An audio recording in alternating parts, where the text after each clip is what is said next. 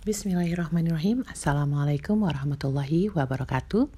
Kembali bersama saya Wina Risman di podcast chatting bicara parenting.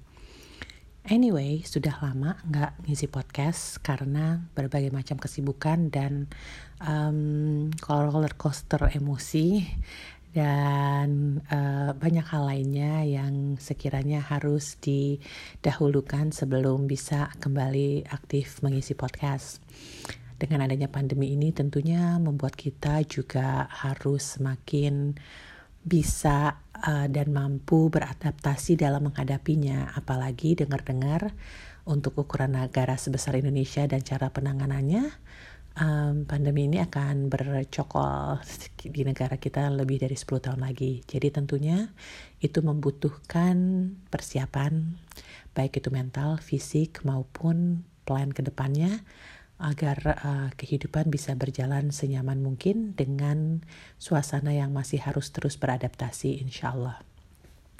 Kali ini saya mau berbicara tentang anak saya yang kedua yang sedang mengalami gejolak menjelang pubertas. Saya sudah mengalami ini dengan anak pertama, tapi anak pertama perempuan, jadi ketika mengalaminya adalah pengalaman pertama kami sebagai orang tua mengalami anak yang menjelang pubertas. Nah, ini pengalaman kedua dengan anak yang jenis kelaminnya berbeda. Jadi luar biasa menurut saya uh, permainan emosi yang dihadirkan dengan menghadapi anak-anak yang menjelang pubertas ini. Sedikit banyaknya kami bersyukur karena kami yang Allah beri sedikit kemampuan dan ilmu untuk menghadapinya saja masih terombang-ambing dan merasa tertampar-tampar berkali-kali dengan apa yang uh, si tengah ini lakukan. Uh, saya bisa membayangkan teman-teman lain mungkin di luar sana yang sudah memilih untuk diam atau mungkin melarikan diri dan menangis atau mungkin sudah habis pikir dan rasanya mau teriak aja di atas gunung yang paling tinggi untuk mengeluarkan semua beban dan tekanan yang ada di pundak dan di hati.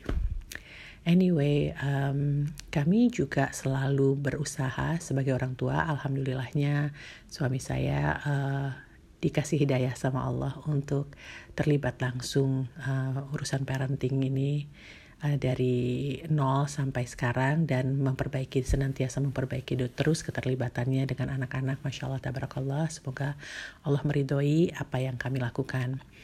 Nah, kami memperbaiki terus metode-metode kami karena kalau saya dengar pada um, forum-forum ya baik itu teman-teman di grup WhatsApp maupun di um, apa namanya social media lainnya selalu bertanya bagaimana sih menghadapi anak-anak ini uh, karena kami sudah kehabisan kata, kehabisan metode dan sebagainya.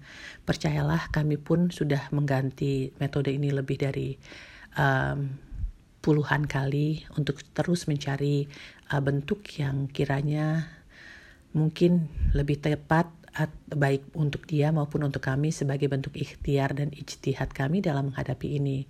Memang uh, ada kalanya satu bentuk atau metode bisa cukup dan bagus untuk saat itu, tapi kemudian dengan bergulirnya waktu, seiring dengan bergulirnya waktu, metode itu harus kembali di uh, recustomize ya, diubah suai uh, sesuai dengan kebutuhan terutama dengan adanya pandemi ini di mana anak di rumah 24 jam dan sekolah online dengan gejolak hormonal yang mulai memberantak berantakan itu dan kita juga menghadapinya dengan kita yang mempunyai isu-isu masing-masing baik sebagai pasangan maupun anak maupun orang tua maupun bagian dari masyarakat. Jadi ini memang sebuah challenge yang luar biasa, tantangan tersendiri buat saya. Tapi sebagaimana kita semua ketahui bahwa Allah tidak akan memberikan ujian bagi seseorang kecuali lebih tidak akan menguji seseorang lebih dari kemampuannya. Berarti Allah masih menganggap saya mampu. Satu, dua, saya mengingatkan kembali bahwa saya tidak memilih dia sebagai anak dan dia tidak memilih saya sebagai orang tua. Jadi semua uh, keterbetulan yang menurut manusia ini adalah sesuatu yang sudah direncanakan Allah dengan baik. Jadi saya adalah ibu yang terbaik, ayah yang terbaik, suami saya buat dia, buat dan buat si anak uh, mereka adalah hadiah-hadiah terbaik buat kami. Jadi dengan itu uh, dalam pikiran berarti kami harus move on dengan apa pun um, kesusahan dan rintangan yang ada di jalan. Yang ketiga, saya berpikir bahwa selama saya masih dikasih nafas yang belum tercekat di tenggorokan, berarti saya masih diberikan kesempatan untuk uh, merubah, untuk memperbaiki si anak sebagai titipan dan amanahnya. Wallahu alam bisawab. Semoga Allah mampu mampukan kami, insya Allah amin, dan mampukan ayah bunda di rumah juga dengan segala keterbatasan dan kemampuan yang ada. Asal kita mau terus berpikir, mau terus berjuang, insya Allah Allah kasih jalan. Jadi malam ini adalah malam di mana saya memiliki pembicaraan yang super panjang dengan anak kedua ini. Uh, emosi yang ada jangan ditanya ya, itu dari gunung tertinggi ke laut terdalam, terus anywhere in between, terus balik lagi ke gunung tertinggi, terus laut terdalam, baik untuk dia maupun untuk saya. Jadi saya terkadang sudah kehabisan ide juga bagaimana menghadapi anak ini. Kemudian kemarin dia datang dengan sebuah ide untuk mendapatkan total freedom apa itu total, total freedom satu hari tanpa peraturan? Mungkin menurut dia rumah saya atau uh, rumah tangga kami atau keluarga kami terlalu banyak peraturan. Terlepas dari itu semua peraturan yang diberikan adalah berdasarkan kesepakatan dan dimengerti kenapa dilakukan. Tetap aja dia merasa terlalu banyak peraturan. Peraturan. Oleh sebab itu dia ingin uh, memiliki satu hari saja yang dia bebas melakukan apa saja. Saya tidak langsung menolak ide itu karena saya merasa sebagai manusia pastilah orang pengen utopia sebentar aja gitu ya. Kalau boleh mampir ke surga dua detik. Asal mengetahui bahwa oh ini loh tujuan akhir, ini loh kenapa saya harus beribadah dengan baik. Ini loh, ya nggak apa-apa lah ya kalau dia pengen tahu bagaimana rasanya uh, apa namanya total freedom itu yang walaupun dia tidak tahu pasti sedikit banyaknya ada batasan-batasannya juga misalnya sholat yang nggak mungkin nggak sholat ya makan dan sebagainya jadi kami melakukan kesepakatan karena menurut saya wah ini bisa juga kesempatan untuk melatih dia melakukan hal-hal yang selama ini mungkin sangat susah untuk diarahkan. Uh, saya bilang oke okay, fine. Kalau bagaimana kalau kamu bisa masalah dia paling pertama terutama untuk anak-anak remaja ini adalah uh, emosi. Bagaimana kalau kamu bisa menahan dan mengontrol emosimu, tidak menyakitkan hati siapa pun selama tujuh hari, maka kamu mama kasih uh, apa namanya uh, total freedom untuk satu hari. Dia sepakat. So far sudah tiga minggu itu gagal. Kenapa? Karena setiap kali dia tidak berbuat sesuai dengan adab dan manners yang ada, maka dia dikurangin satu nilainya. Dan dia cuma punya kesempatan 20 kali salah selama tujuh hari. Dan ini adalah minggu ketiga dia akan mengulang kembali.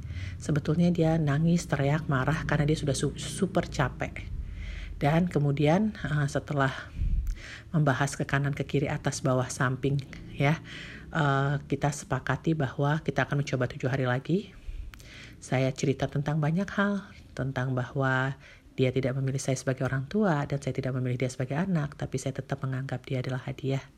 Saya menceritakan bahwa sebagaimana semua alat yang kita beli ada buku instruksinya, manusia juga punya, dan itu ada dalam Al-Quran.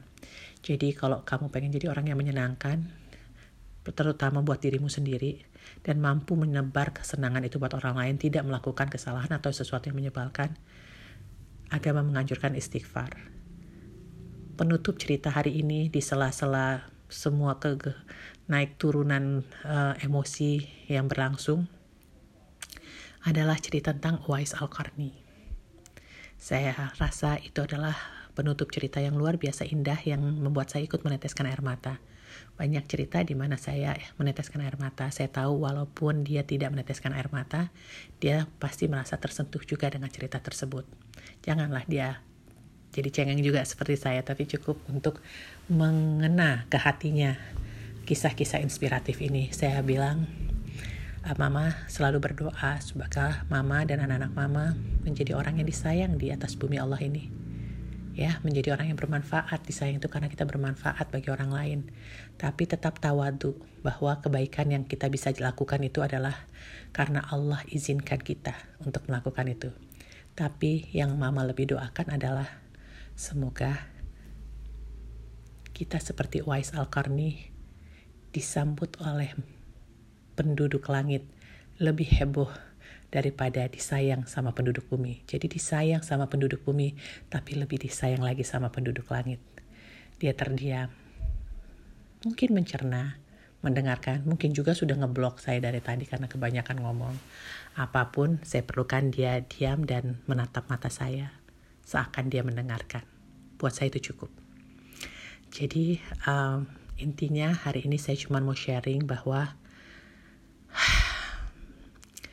mengadakan sebuah keputusan seperti tadi aja sudah melewati tiga minggu dan kemudian emosi yang meledak-ledak luar biasa.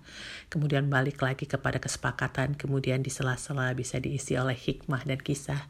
Tapi saya juga tidak tanggung-tanggung tidak sedikit juga tersinggung dan sedih hati yang dibuat olehnya. Tapi sebagai ibu tugas saya adalah memaafkan dan mengajarkannya. Sebagaimana kita tahu anak-anak um, ini adalah ujian sebetulnya bagi kita dan sebagaimana kita tahu, mereka adalah titipan dari yang luar biasa. Apa pun yang kita lakukan kepada mereka, terutama yang menyakitkan, baik itu secara kata-kata maupun secara fisik maupun secara uh, emosi, ya emosional gitu ya. Kita harus segera minta maaf dan beristighfar kalau menurut saya. Kenapa? Karena nanti yang punyanya marah. Ya, kita cuma dikasih kesempatan. Kita cuma diamanahkan, dipinjamkan dan dititipkan Ya, kalau kita kemudian berlaku sewenang-wenang atau di luar batas dari yang seharusnya, mereka cuma usianya sekian, baru belasan. Padahal malah baru satuan ya, masih tujuh, delapan. Tapi terkadang kita sudah memperlakukan mereka seperti orang dewasa. Maka ketika ada keterlebihan itu, kelebayan itu dalam misalnya teriak, um, ngecap mereka sesuatu, memarahi yang berlebihan, memukul atau mencubit karena geram dan kesal yang luar biasa, ada baiknya kita beristighfar dan minta ampun sama yang punya, karena sesungguhnya ia hanya titipan saja. Sekian untuk saya malam ini, sekedar meluahkan isi hati. Semoga bisa bermanfaat buat semua teman-teman di sini yang mendengarkan. Wabillahi taufiq wal hidayah. Wassalamualaikum warahmatullahi wabarakatuh.